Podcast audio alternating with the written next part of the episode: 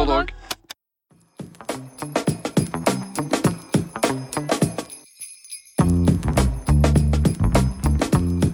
Why should things be easy to understand? Det sa en klok forfatter en gang på 60-tallet i respons til en kompis som lurte på hvorfor forfatterens debutbok var så kompleks. Den forfatteren heter Thomas Pynchon, og debutboken var bare begynnelsen, skulle det vise seg. For i 1973 ga amerikanske Thomas Pynchon ut sin tredje roman, Gravity's Rainbow. En bok som er lang og ufattelig kompleks. Og eh, Pulitzerprisens styremedlemmer, som valgte å legge ned veto når juryen ville gi prisen til Pynchon for nettopp denne boka, de mente at Gravity's Rainbow var sitat, umulig å forstå, uleselig og obskøn. Likevel har Gravity's Rainbow forblitt en av 1900-tallets viktigste romaner. Pynchon er en tilbaketrukket sjel og inspirerer en slags manisk interesse hos de som kaller han sin favorittforfatter, som meg. Ja, i dag skal jeg og min gjest snakke om Gravity's Rainbow av Thomas Pynchon.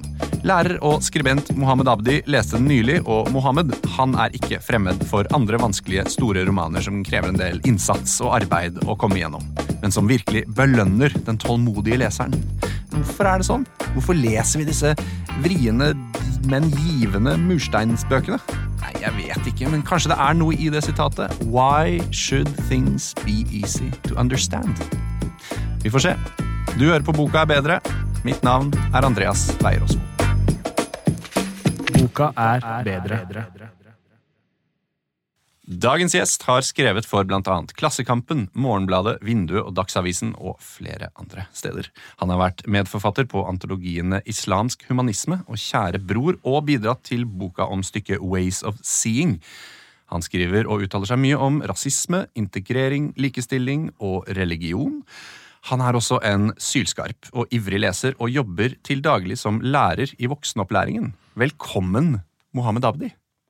Eh, tusen takk eh, for invitasjonen, eh, selv om jeg trengte meg på og sa at du må invitere meg, Andreas. Ja, men det har du jo rett i. Jeg måtte jo invitere deg. Vi skal jo snakke om uh, min favorittforfatter, og en du har vært veldig begeistret uh, for i år også.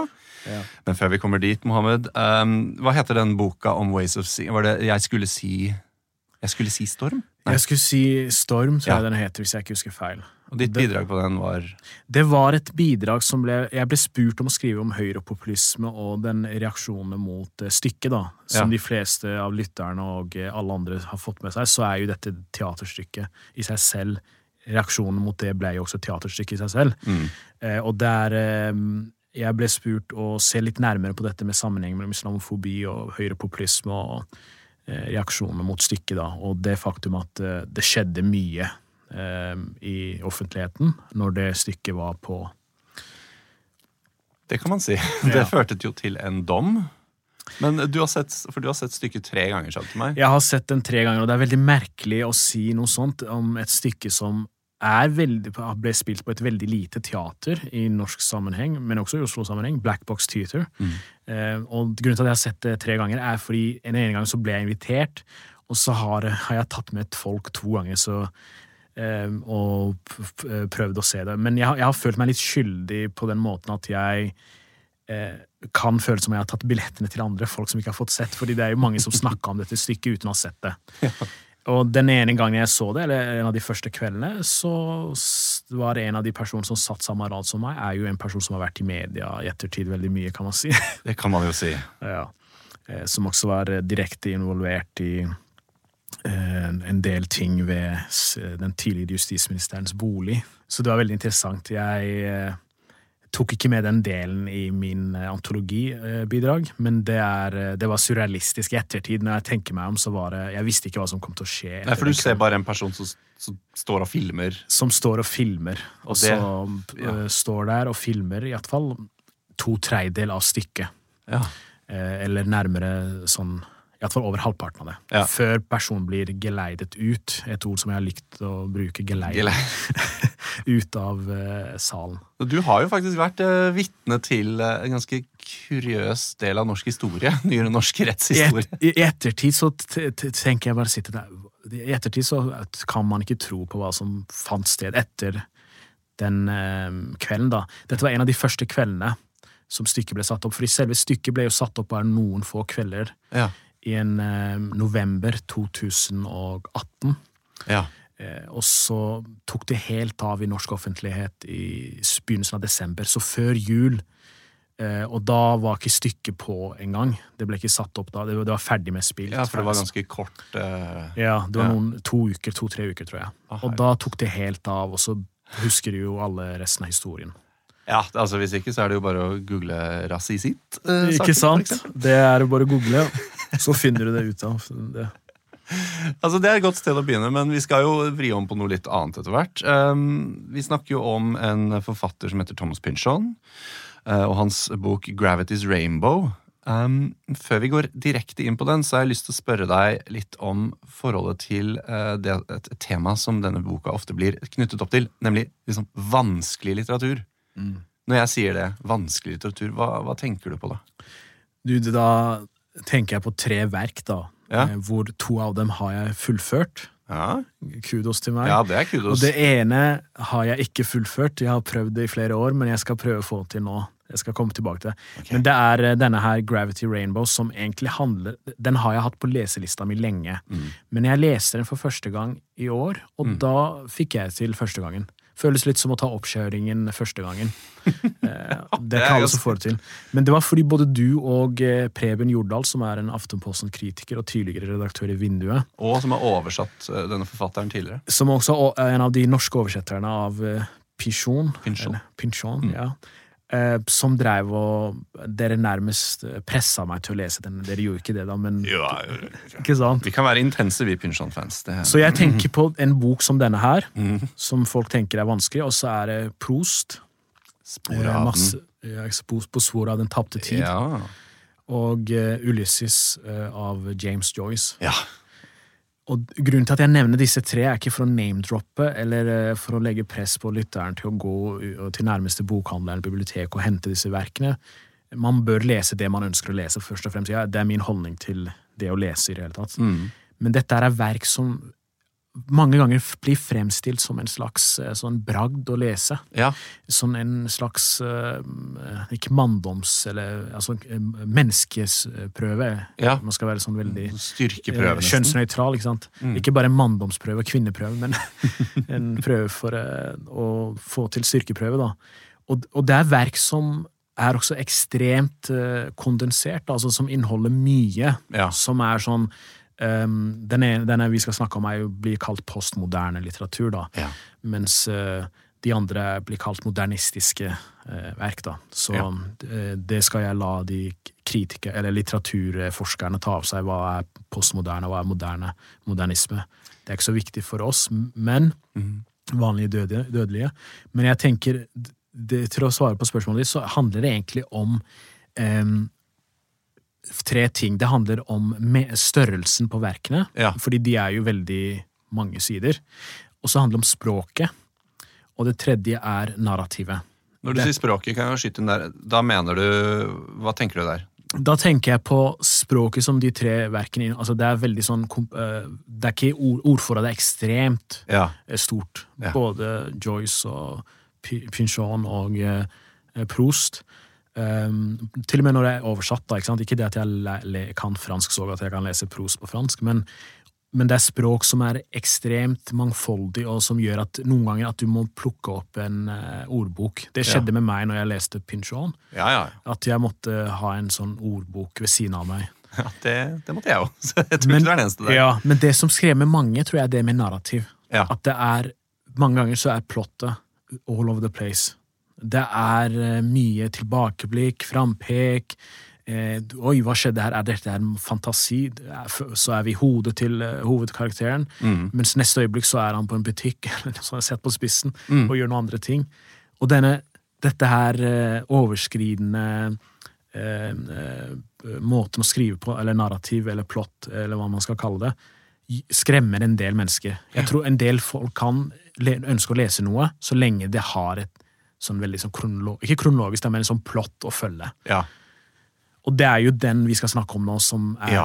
Hva handler den om, da? Den, ikke sant? Og den har jo alle disse tre kriteriene her, vil jeg jo si. Den er lang, den er komplekst språk, og, og dette med narrativet som hopper fram og tilbake og inn i det absurde og inn i en drøm som ikke tydeliggjøres at det er en drøm. Ja, skal, vi, skal vi prøve å oppsummere noe av hva den handler om? Ja.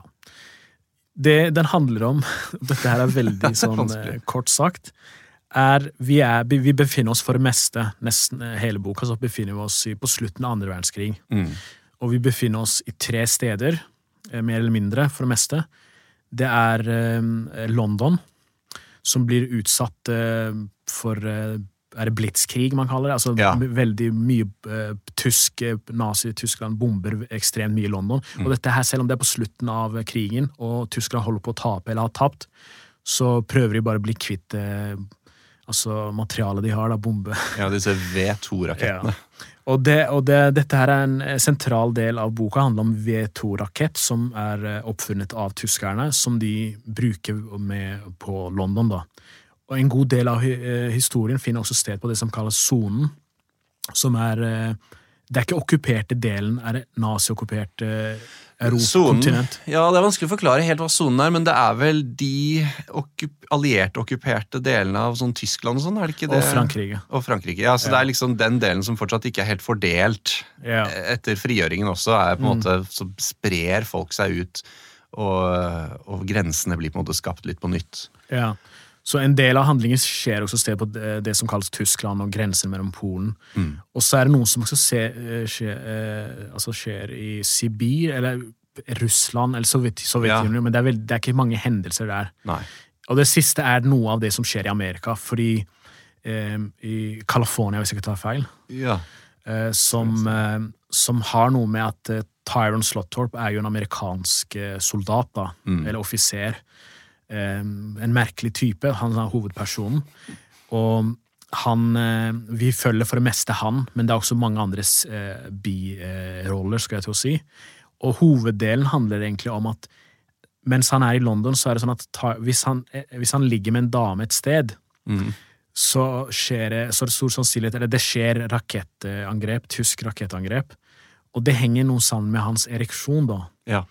Eh, dette her er eh, lytterne Jeg vet ikke om lytterne har falt av, eller Nei, så, følger med. Fordi det som skjer, er at uh, han har et sånt kart med sånne nåler plassert rundt om i London, og der har han ligget med damer. Ja. Og det korresponderer da, finner noen ganske tidlig ut, med bombeangrep fra Tyskland. Ja. Og det har sammenheng med forsøk som er gjort på han i Når han var liten. Ja.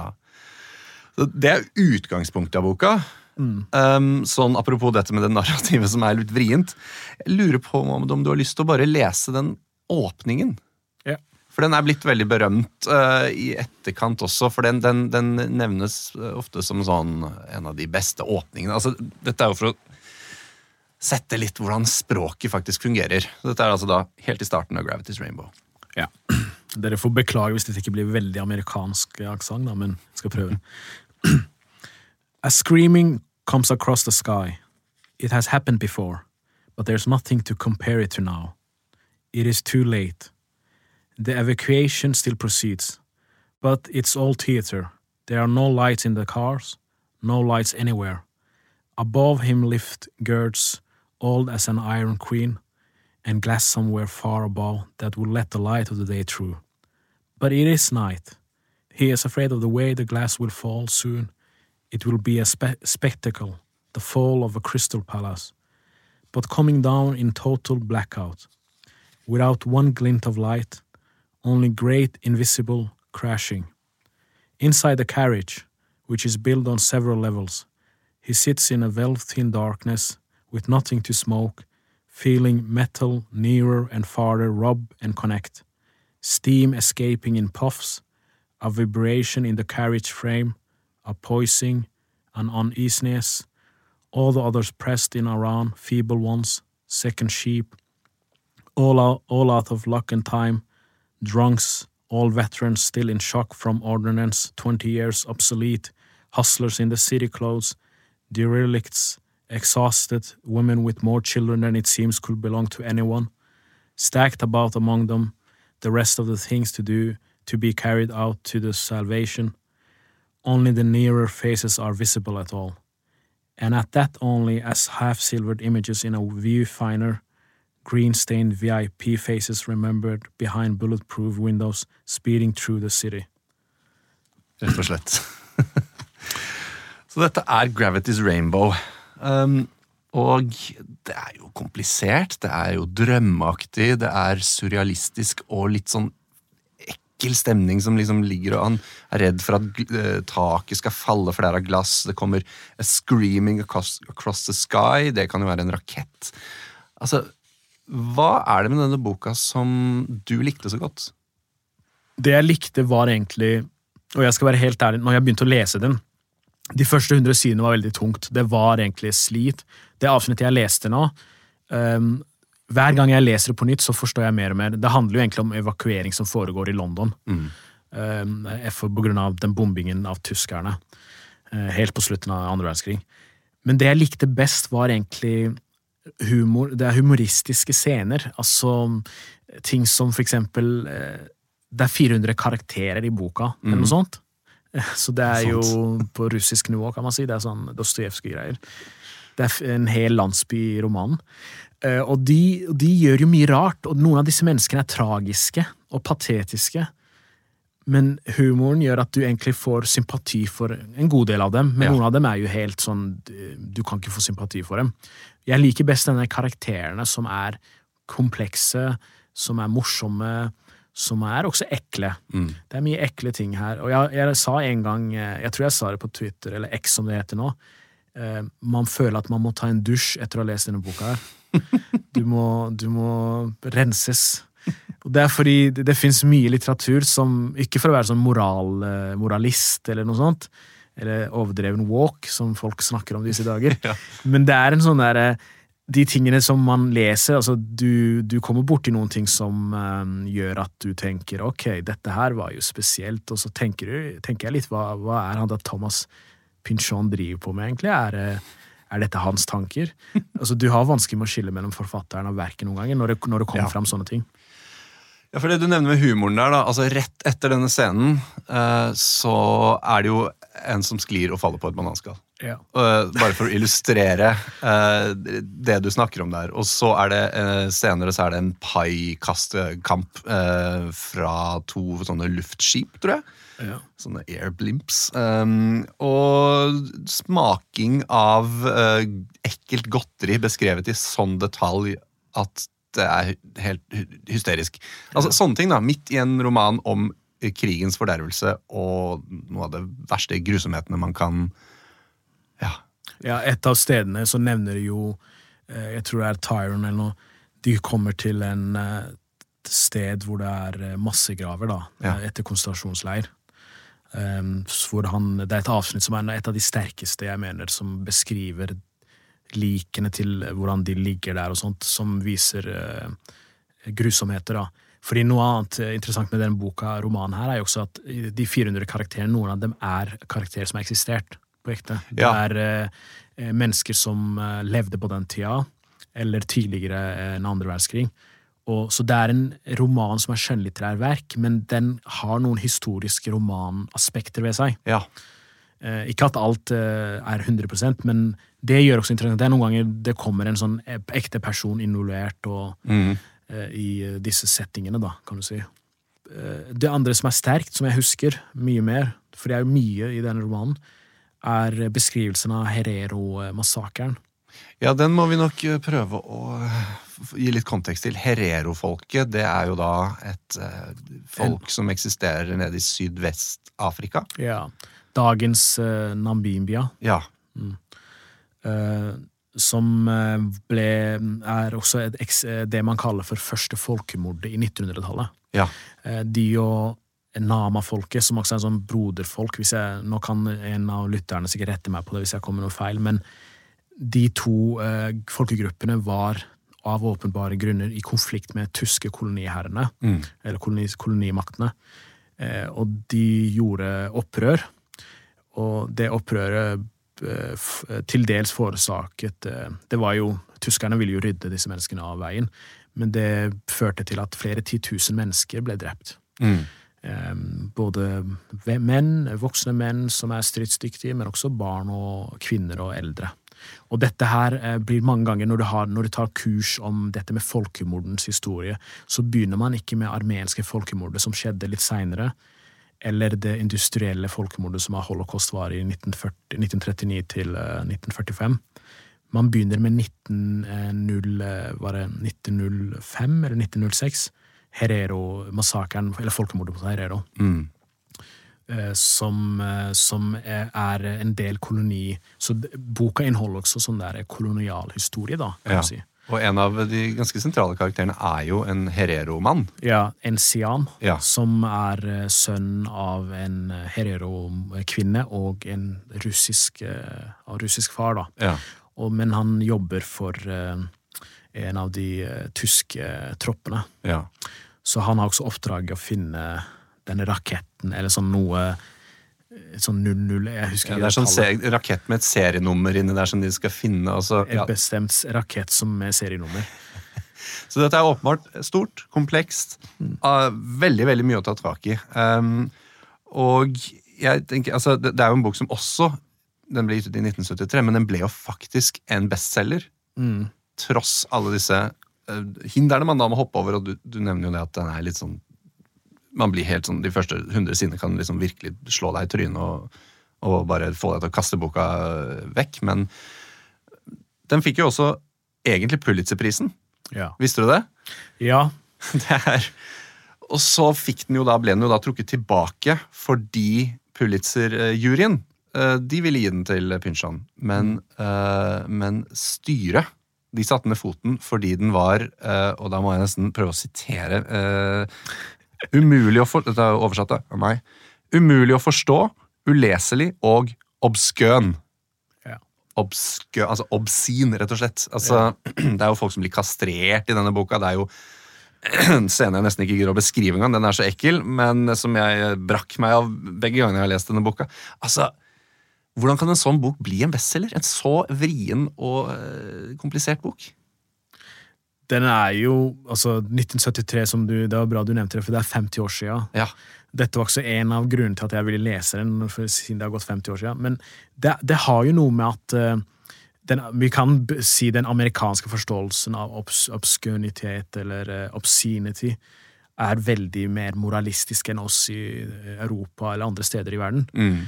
Men det handler egentlig om at den har en del scener som til og med de mest eh, eh, og minst moralistiske av oss vil føle for en litt sånn eh, ekkelhet ved. Men samtidig så er det sånn litteraturen skal være, være på den måten. Mm. I tillegg til det du nevner, så er jo den scenen som du ikke vil beskrive, jeg kan beskrive den, jeg. Ja, du tar Eh, som eh, Det er en spesifikk fetisje som, eh, som heter kok, Hva heter det? Kokorafali? Korpro, et eller annet korporofagi. eller Som heter at du blir tent av eh, avføring, da, eller bæsj. Ja. Eh, og eh, hvor det er sånn at en av de mer sentrale, Katja eh, Borchesius, som er en av de mer sentrale eh, personene i boka, hun eh, altså Hun gjør sin fornøyden, er det det man sier? I munnen si til en eldre mann, en eldre uh, tysk offiser. Og hun bæsjer i munnen hans, da, og dette er fordi han blir tent av det. Da? Eh, Men det går jo ikke så bra med han. Eh, Det viser seg at han dør av E. coli. Ja. Og så må vi bare nevne at denne mannen som dette skjer med, heter da Brigadier Pudding. Ja. Han heter Pudding. Ja. Så dette er også en del av Han er Humoren. ikke tysker, det er sant. Det er Nei, jeg tror han er brite, ja. Han er briter. Jeg, jeg, sammen- jeg, eh, misf- eh, fordi hun, hun blir utsatt for mye grove ting av en tysk offiser, ja. Som er en sånn slags sadist. som er en av de sadistene i boka. Ja, det nærmeste denne boka kommer en, en reell sentral antagonist, rett og slett. Er han. Eh, Weissmann. Ja. Um, så jeg er også litt sånn uh, interessert i om dette er typisk det du pleier å lese. For jeg vet at du leser bredt. Nei, det er ikke det. det, det, det jeg kan innrømme å si at eh, min, en av årsakene til at jeg har begynt å lese den type litteratur som kalles amerikansk postmoderne, som Don DeLillo, har egentlig vært fordi du, igjen, du og Preben har vært og veldig på hugget med at dette er veldig bra litteratur, og jeg stoler på den smaken dere har. Ja, Men før, men før så leste jeg for det meste Når det kom til amerikansk litteratur, så leste jeg Tony Morrison, James Baldwin. De kan også skrive ekle ting og vold og alt det der. Eh, Tony Morrison er Ja. jo Eh, det er mye drap i hennes bøker. Men det er nei, så svaret er eh, inntil nylig så var ikke det eh, noe som jeg leste vanligvis. Men jeg leste Don DeLillos Underworld under pandemien, Mm. som også er en slags eh, han, jo, han blir jo sett som en slags eh, eh, brother in arms med Pynchon. De har samme generasjon. De, skri, de har forskjellige skrivemåter. Det er ikke sånn at de skriver likt, men eh, de blir satt i samme bås da mange ganger. Så folk som, eh, når du skal handle en bok på Amazon, eh, så står det alltid 'Other people like this book'. Mm, da kommer Underworld eller Ja, og den er jo også en ba Det handler jo om en, en jakten på en sånn baseball, altså ball. Ja. En softball som blir en slags eh, rød tråd, bokstavelig talt, i romanen.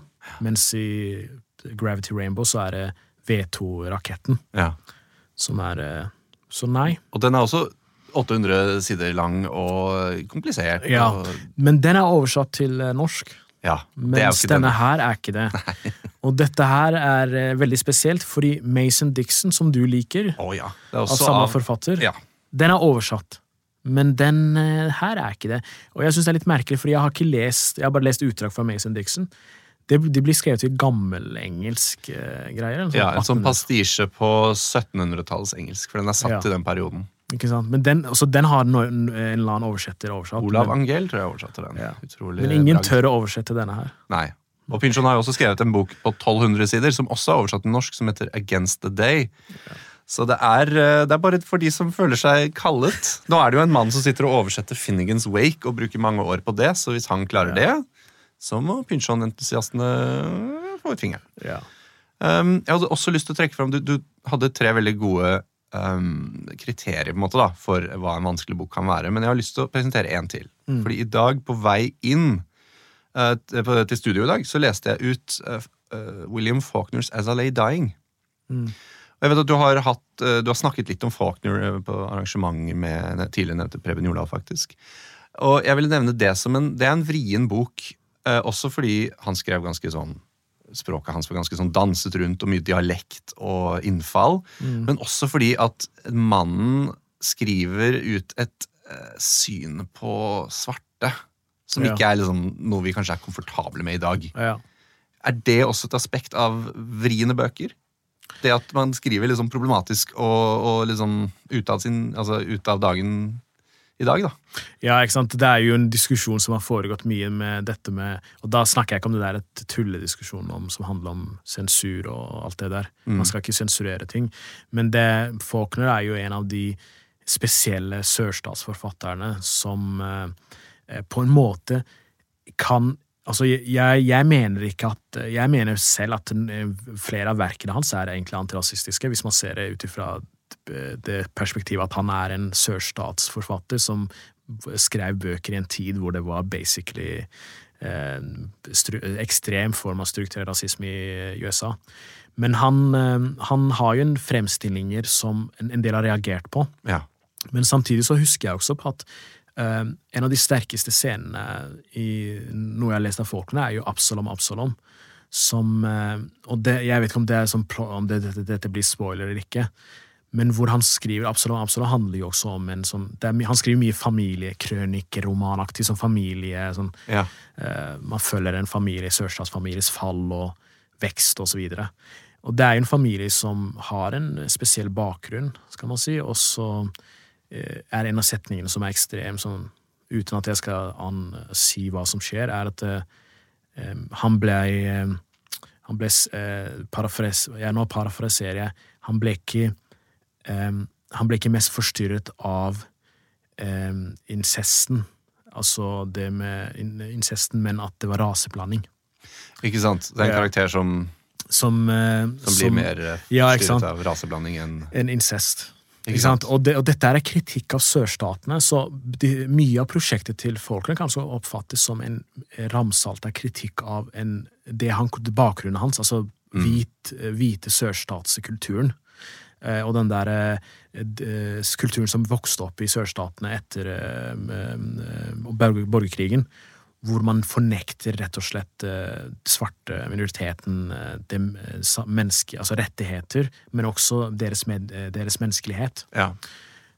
Men jeg skjønner poenget ditt, men, jeg, men når man ser på dette her, så er det sånn at en av de mest favorittforfattere av meg er jo Tony Morrison, som skrev en mastergrad om han. Ja.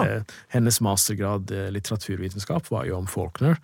Og noen av de bøkene hennes kan jo også se veldig tydelig at hun er veldig påvirka av han, selv om man skal være forsiktig med å si at én forfatter er påvirka av andre, fordi forfattere flest liker jo ikke det, sikkert inkludert deg.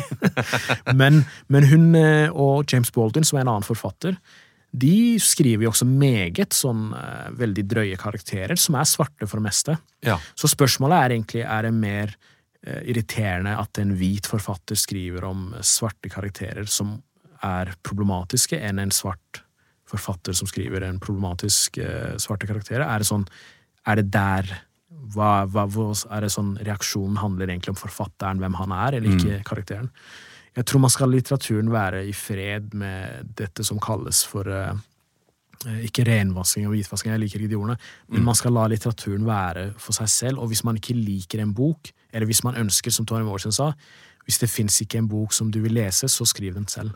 Ah, kloke ord nok en gang fra Tony Morrison. Ja, ikke sant? Ah, ja, nei, Det er et veldig godt perspektiv. Eh, og det passer jo også til eh, Gravity's Rainbow, hvor denne Enzien, eh, denne Herero-mannen Han er også han er, han, han er jo en Han jobber for tyskerne under tvang. og Han gjør litt sånn moralske eh, Hva skal man si? Ting som er i moralsk gråsone.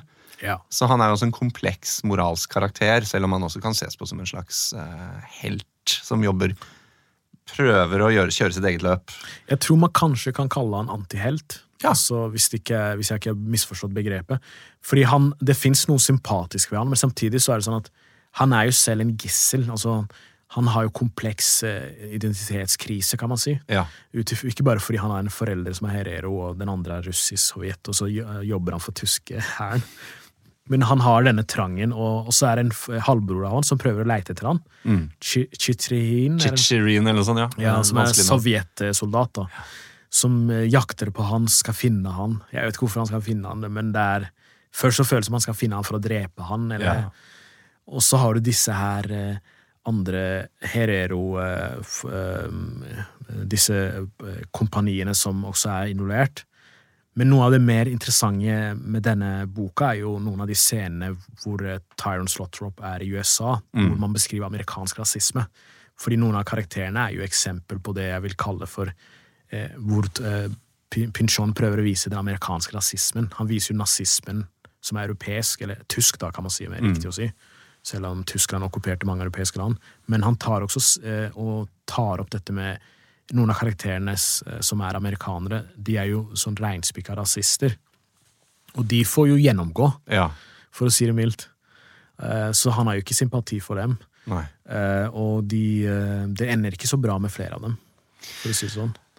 Nei, det gjør de jo ikke. Selv om man på overflaten selvfølgelig kan se at det ser ut som rasistiske karikaturer, så er det ment, tenker du, mer som en kritikk av det amerikanske den amerikanske rasismen. Ja.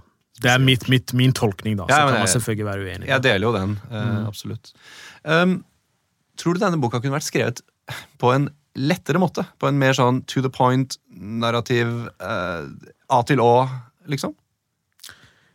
Eh, sannsynligvis så kunne den det, men da hadde det vært en helt annerledes bok. Ja. er det mest eh, det, det ene det svaret jeg kan gi. Det andre er at eh, hvis man skal forenkle den, så hadde det kanskje vært eh, Jeg tror det hadde vært mye enklere også å lese den For jeg har sett originalutgaven, som er på 700 og noen sider.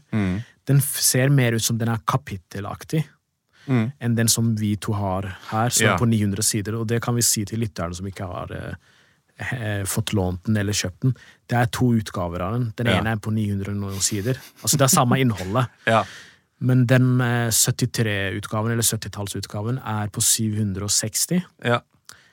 Eh, og det, det er Det føles som det er sånn film eh, Han føler en sånn der filmsekvens. Ja, for det er de der i, i den ene utgaven av boka, altså den tidligere utgaven av boka Nå nerder vi veldig, Mohammed. Ja. Eh, Vi, får bare, vi får lov til det eh, akkurat nå. Eh, Det er sånne eh, firkanter som ser ut som sånn filmspoler, eller hva det er for noe.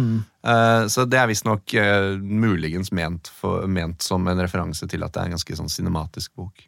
Ja. Fordi Pynchon, det kan vi jo nevne kjapt, er jo en forfatter som aldri har gitt et intervju. Han lever fortsatt. Ja. Han er jo en amerikansk forfatter som eh, i dag er 86. Han har skrevet eh, ni bøker og har aldri gitt et intervju. Er en sånn evig kvasifavoritt til nobelprisen. Um, en sånn mytisk skikkelse på mange måter, da, som har Ja. truffet i hvert fall meg veldig. Eh, fikk du, hadde du noe av det i bakhodet mens du leste boka? At han er en sånn Ja, Ja. det hadde jeg. Og han er også en eh, Det er jo leksikalske greier. ikke sant? Det er en roman som kan, kan også leses som Ikke det at jeg, jeg anbefaler at du skal, hvis du skal lære om Herero-massakren, eller amerikansk rasisme eller andre verdenskrig, at du skal først og fremst gå til denne romanen. Du kan gå til faktabøker. Ja.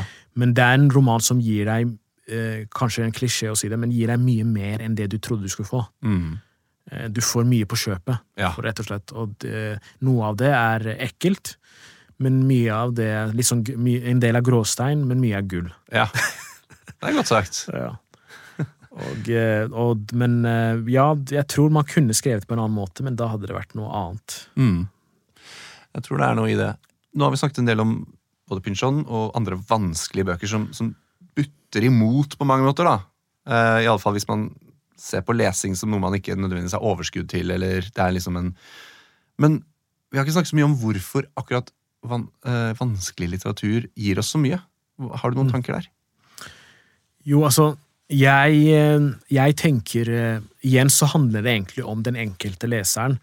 Men vanskelig litteratur gjør at du ikke bare bryner mer på det du leser, men at du må lese i doser. Ja. For jeg kan, eh, jeg kan Når folk jeg møter på folk som sier 'Å ja, du leser veldig mye', det har med at jeg har vært veldig sånn et lesende menneske siden jeg var liten. Mm. Eh, Ikke fordi jeg kommer fra et sånt hjem som har masse bøker. Vi har sånn moderat, kan man si. Sånn middels. eh, Det var ikke sånn bøker overalt. Men fordi jeg eh, liker å finne fram både litteratur som gir meg noe i form av at jeg kan sette meg i andres liv eller perspektiver, reise til andre verdener, andre tider, men jeg liker også den der doseringen. Mm. Så når jeg satt med denne her, så er det en av de jeg brukte lengst på, det er den, og så er det en annen eh, av alle de årene jeg har lest, i, altså siden jeg begynte å lese da jeg var liten, det er den jeg har brukt lengst tid på, og så er det Brødrene Karamazov, Mm. eh, som er enklere å lese, som Ja. er mye mer skjemat, eh, skjematisk, kan man si. Eh, Sånn, ikke sånn enkel i den forstand at det er mye sånn filosofi og mye sånne ting, men den er eh, ikke så eh, hulter til bulter, da, kan du si. ja. Men den gir, denne her eh, brukte jeg en måned. Eh, og da Det jeg gjorde, var at eh, det er fire deler, og prøvde å lese Den ene delen er jo veldig lang, så den brukte jeg en halv uke på. Så jeg prøvde å lese 50 sider, eller 40-40-50 sider hver dag.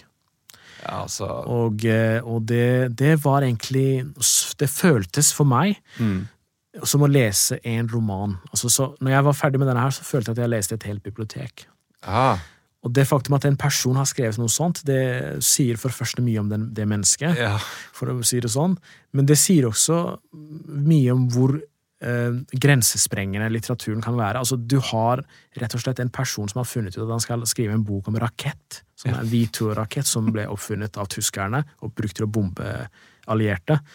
Og rundt denne historien så skaper han alt fra en eh, BDSM-gal, gæren eh, tysk offiser til en, en fyr som får ereksjon eh, hver gang det er eh, rakettangrep, til Herero-massakren, til eh, en, en kjærlighetshistorie, en klassisk kjærlighetshistorie, også som er med, med Roger Mexico. Mm. det, det, vi, må, vi kunne brukt en time på navnene på disse karakterene. Det er jo veldig mye Roger. Mexico, ja. Og eh, Jessica, eller nei, Jennifer. Nei, Jessica. Jessica, Jessica. Swan Lake, til og med. Ja, ikke sant? Som, eh, som er forelsket, men de finner ut det, Bare den delen sekvenser er egentlig en romantisk komedie, Mm. hvis man kan si det. Og så har du Pig Pod Bodine, og, Ja, ja. og, eh, og det er jo en del også litt sånn problematiske ting. Jeg vet ikke hvor gammel noen av disse karakterene som noen av de eh, karakterene ligger med her, men det er jo det er snakk om tenåringer, ikke sant? Ja, for det er mye sånt som kan skremme bort en, en leser også, Ja. som ikke Ja, men, men um, Det er også Tror du vi har altså, Vi har nevnt noen andre store, vanskelige bøker. Har vi noe som ligner på det her i Norge?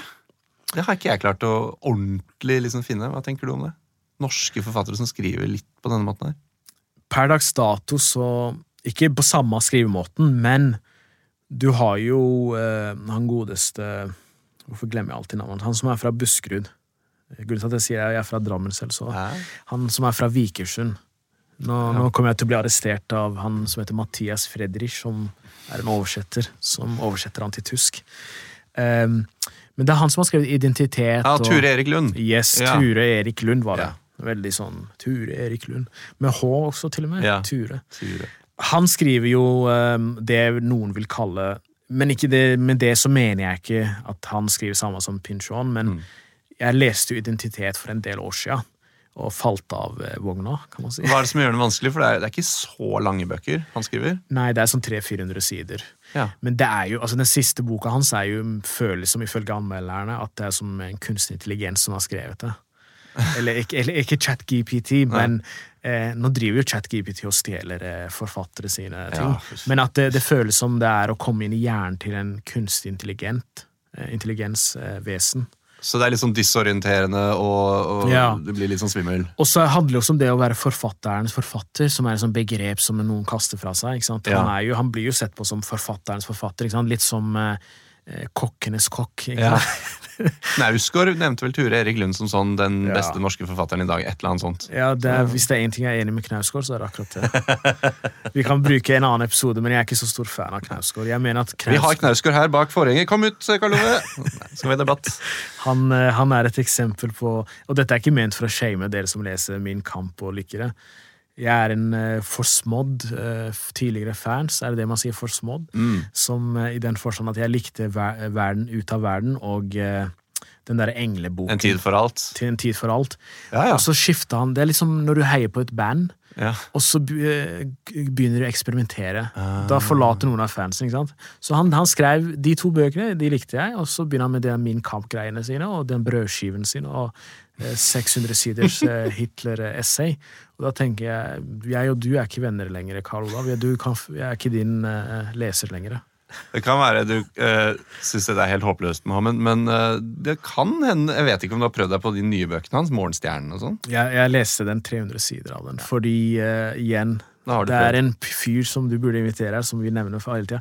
Men det var fordi Preben sa, ga veldig bra omtale av en eller annen grunn i Aftenposten. Han anmeldte Morgenstjerne, så tok jeg og henta den, og så kom jeg halvveis. Ja. Men så begynte han å snakke Ingrid, og så var det en eller annen Ingrid som er utro, og, eh, og så var det mye sånn der ulv, ulmer og ting, og ulver og sånne katter Jeg vet hva sånn, det, Sånn det er litt sånn eventyr eh, og liksom sånn dyrene det var forsøk på satanisk vers, eller sånn magisk realisme-greier. Mm. Og du vet, jeg har et sånt eh, forhold til magisk realisme som er eh, Noen ganger så kan jeg lese det, noen ganger så blir jeg lei av det. Satanisk vers har jeg lest, og den likte jeg, men det er Det blir veldig sånn der eh, Ikke fantasy, men det blir litt sånn svevende. Mm. Eh, Det blir eh, Men jeg liker Jon Fosse, da, og Dag Solstad. Ja, det så, så, men, men en annen jeg har eh, hørt, kan ligne litt på sånn Pynchon-aktig, liksom eh, komplisert i den forstand at han researcher veldig mye og har med veldig mye historisk research, research og har litt sånn av de samme formgrepene og sånn. Det er jo eh, Kjartan Fløgstad. Ja. Jon Erik Riley, venn av denne podkasten, som har vært med i en episode, han eh, mener at det kanskje en av de nærmeste vi har en norsk Pynchon, er Kjartan Fløgstad. Har du lest noe av han? Nei, dessverre. Jeg har ikke lest så mye av han, gjerne. Altså. Eh, er han er jo jo han, han er også en del historiske romaner, ikke sant? Ja. og det, det liker jeg å lese. Så jeg burde egentlig begynne å lese han. Men ja, det, det kan være et eksempel. Men det med research er jo én ting. Det andre aspektet er jo dette med eh, alle disse plottene inni hverandre. ikke sant? Det er ikke alle norske forfattere som greier det. Mm. Eh, men nå er det sånn at jeg leser veldig lite norsk samtidslitteratur også. Det skal innrømmes. Eh, Kanskje jeg skal gjøre mer med det. Men det er noe med uh, Interessen min er egentlig De gangene jeg har lest norsk eh, samtidslitteratur, eller litterat, norsk litteratur, har vært eh, eh, Jon Fosse og Dag Solstad og eh, eh, tidligere Knausgård og Vigdis Hjort. Mm. Jeg digger eh, Vigdis Hjort. Mm. Og det er ikke bare fordi vi sitter i lesesirkel sammen. Nei, Dere har en le lesesirkel sammen i, i Nasjonal... Nasjonalbiblioteket. Ja. Nasjonalbiblioteket. Så eh, det, er jeg, det er ikke derfor jeg sier dette, men hun er, hun er, hun er også bak forhenget! Kom ut, Vigdis! Hun er også med oss her. Nei. Ja. Men Vigdis Hjorth skriver på en måte som jeg digger. da. Hun er, eh, hun er veldig sånn stor, Jeg er stor favoritt av henne. ja. Um, når jeg eh, googlet litt sånn Hardest books in the world, the most difficult novels you'll ever read, så kommer det opp en del lister. Eh, jeg fant en fra BuzzFeed. Eh, the, most, the 25 most challenging books you will ever read. Hva tror du er på toppen, hvis du skal gjette? Det må være James Joyce. Ja. Ulysses. Ikke Ulysses, men Finnegan Wake. Ja, og den er jo Hvis det er noen som har uh, lest den der ute, så blir jeg, jeg blir vel, i hvert fall veldig imponert, men den er skrevet på et drømmespråk som ikke ja, Det er veldig mange ord som ikke finnes i virkeligheten, og Ja. den er jo enda mer vrien enn Ulysses. da.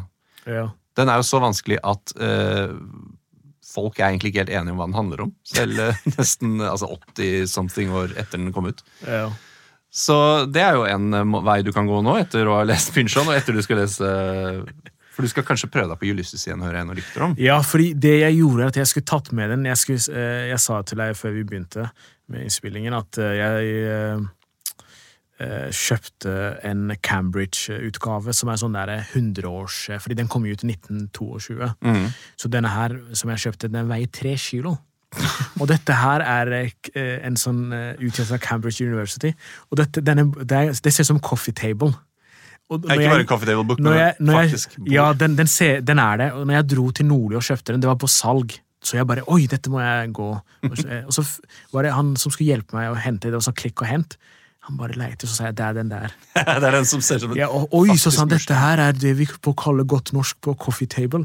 Og den her inneholder essay for hver eneste episode, kan du si. Ja. Fordi uh, Ulysses følger jo sånn som Odysseus, uh, Homer- Homers eh, Odysseus. Uh, sånn inndeling. Og disse her kapitlene er også oppkalt etter Telemakos og så videre. Eh, men det finner jo bare sted én dag, i Dublin. ja. Og eh, det er mye ekle ting der også, men det er ikke på langt nær så obscene som uh, Pinchon er. Så den, den, er, den står på leselista mi. Det er planen min å sette av eh, Altså flytte inn i skogen ja. eh, en måneds tid. Og ikke barbere meg, kanskje gjøre litt sånn eh, hygieniske ting. Kjøpe mat, og så lese den. mat, ja. Ja, det må jeg ha. Ja. Og så, jeg en måned på det, og så komme ut til den virkelige verden.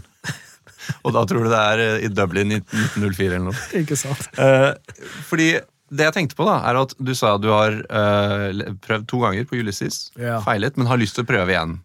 Og så kan noen der ute tenke hvorfor i helvete gidder han å gjøre det? Men så er det jo folk som klatrer K2, Mount Everest, Mm. flere ganger, prøver, kommer ikke helt i mål, og så klarer de det kanskje etter hvert. Ja. Vi skjønner jo hvorfor de ønsker å gjøre det på en måte. Det er en mestringsfølelse, en bragd. Ja. Kan, altså er det, nå håper jeg ikke klatrerne der ute kommer med eh, kniv etter meg, men eh, kan det sammenlignes litt, grann, da? Det kan det. Altså, det er jo Det handler jo om det å overkomme, altså å, å komme og få til noe. Ikke sant? Det, om det er klatring, eller om det er å sette seg mål. Og denne her er jo egentlig teknisk sett ikke Hvis man skal snakke om vanskelighetsgrad, så er det jo kapitler, som sagt. Og det er jo idéinndeling, og det er timer også. Ja. Så Ulysses er på, ifølge en god del mennesker som er veldig sånn kyndige, eh, de sier at den er enklere enn mye annet av det vi har snakket om. Men den, den er også veldig eh, Det er som språket som er det mest vanskeligste, syns jeg, de to gangene jeg prøvde. Så derfor prøvde jeg først på originalspråket, som var engelsk, ja. og så prøvde jeg eh, på norsk. Som også Olav Angel, tror jeg, som også har oversatt den. Ok. også, Hvis jeg ikke husker feil. Fyr. Eh, hvis jeg ikke husker feil. Jeg skal være forsiktig med å si 100% Men det norske blei litt sånn eh, eh, Det var veldig bra oversettelse, og for all del, men jeg følte ikke at jeg fikk like mye ut som det engelske, så da gikk jeg, nå skal jeg tilbake til den engelske, da. Ja. Originalutgaven. Og da, da er det masse ord. Så igjen så er leksi, altså det er ordbok. Så Ja. noen av disse forfatterne de, Det er sikkert sånn på Proust og på fransk, hvis det er noen som kan fransk og har lest den på fransk. Det føles som du om de, Når de satt og skrev disse bøkene her at, eh, Og det sa jo James Joyce også. Han sa jo han, han var jo, når han var ferdig med boka og skrive den, så sa han nå har jeg gitt disse professorene et hundreårs med krang, altså de kritikk. De kan Ja. drive og forske på boka med i hundre år, som parafrase. så, så hadde han sånn ond latter Wow. Nei, ikke sant? Og irsk. Men det skal visstnok Pynchon ha sagt òg, da. Ja. Uh, 'Keeping the scholars busy for generations'. Ikke sant? At det kan være han fleipa med det, da, men det er jo litt sant. da Vi sitter jo her 50 og nesten 100 år, ja, eller over 100 år og snakker om Ulysses og Gravity's Rainbow, og klør oss i huet. Ja. Og får glede ut av det, rett og slett. Jeg har også noen ganger tenkt på å skrive noe selv. Og da har det vært egentlig en dag i Oslo eller noe sånt. Ja, Uten, uten, å, uten å eh, overselge det. Ja. Men, men jeg har jo, du er jo utgitt, og du har jo skrevet bøker. Men det er jo det med å eh, Når man leser mye, så føler man også Noen ganger så tenker jeg også at jeg føler at, det, at man skal prøve å skrive noe selv også. Ja. For vi er jo, noen er jo leser, leser for å skrive, mens andre bare leser for å lese. Mm. Så jeg har lest mye, men jeg har prøvd noen ganger å skrive noe selv uten at å vise til andre. Og da har egentlig vært en av de gangene jeg har blitt påvirka, har vært den der eh, den å ha en sånn en fortelling som foregår en hel dag Mm. i Oslo. Forskjellige steder, da. Ja, Med masse rare karakterer. Så dere hørte det her først, folkens. Mohammed Abdi satser på å skrive norske Ulysses. 2025. Vi får ta 2025 eller 2026 eller noe sånt. Ja, helt til slutt så har jeg lyst til å spørre deg om um, hva leser du i dag? Altså er det en sånn Er det en chaser etter shotten som er uh, Gravity's Rainbow, eller er det noe like tungt? Eller er det, hva er det for noe? Nei, akkurat nå så leser jeg eh, Jeg må begynne å lese Jeg har en liste over ting jeg har lest i år, for å bare føre litt, så jeg må lese mer kvinnelige forfattere. Mm. Så eh, jeg skal lese Malina av Ingeborg Bachmann, eller Bachmann, tror jeg det uttales.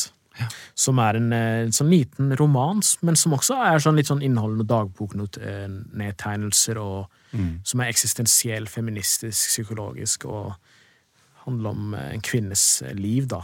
Mm. Og forhold til diverse menn, kan man si.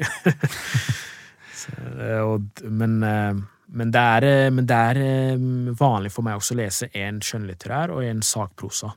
Så jeg leser også en sakprosa, hvis jeg kan nevne det veldig Ja, fort, klart og som er uh, I skyggen av holocaust, som er gitt ut uh, Som er skrevet av uh, en forsker på rasisme og antisemittisme som heter Kjetil eh, Simonsen. Mm. Og han skriver om I skyggen av holocaust, og undertittelen er Antisemittisme i Norge 1945 til 2023. Så det er veldig Han tar helt ut Boka kom ut i år, da, men han kunne stoppet på Noen forskere stopper på 2015, Ja, ja, ja. og så gir de ut i 2023, men han tar helt ut. Så Han veldig, veldig interessant. deadline, han. Han skrev helt i deadline. Veldig interessant bok om antisemittisme, og det er jo veldig relevant tema nå, med det som skjer i Gaza-krigen. Mm. som er jo ekstremt vondt å se de menneskene som blir bombet. Det viktigste som vi kan gjøre, vi som ikke er i konfliktområdet, er å ta vare på våre norske jøder og norske palestinere. Det Det er veldig viktig at når det skjer ting i andre steder, at vi ikke behandler våre medmennesker, som er i dette tilfellet norske jøder eller norske palestinere, dårligere måte enn det vi gjorde før konflikten blussa opp. Ja. Det, er, det er eneste lærdommen jeg kan hente herfra. Vi kan sikkert snakke mye om det som skjer der, men hva, hva som skjer her. Så folk skal føle seg trygge, selv om de er norsk-palestinere eller norsk jøde. Ja, men det er en um, fin måte å, å gå ut på, egentlig. Mohammed Abdi, tusen takk for at du har vært med i Boka er bedre. Takk. Takk for invitasjonen. Du har hørt på Boka er bedre. Produsent har vært Felix Sullivan. Tekniker har vært Joakim Sandvik. Boka er bedre er produsert av både og med Stian Lettesier. Og mitt navn er Andreas Weier Osvold.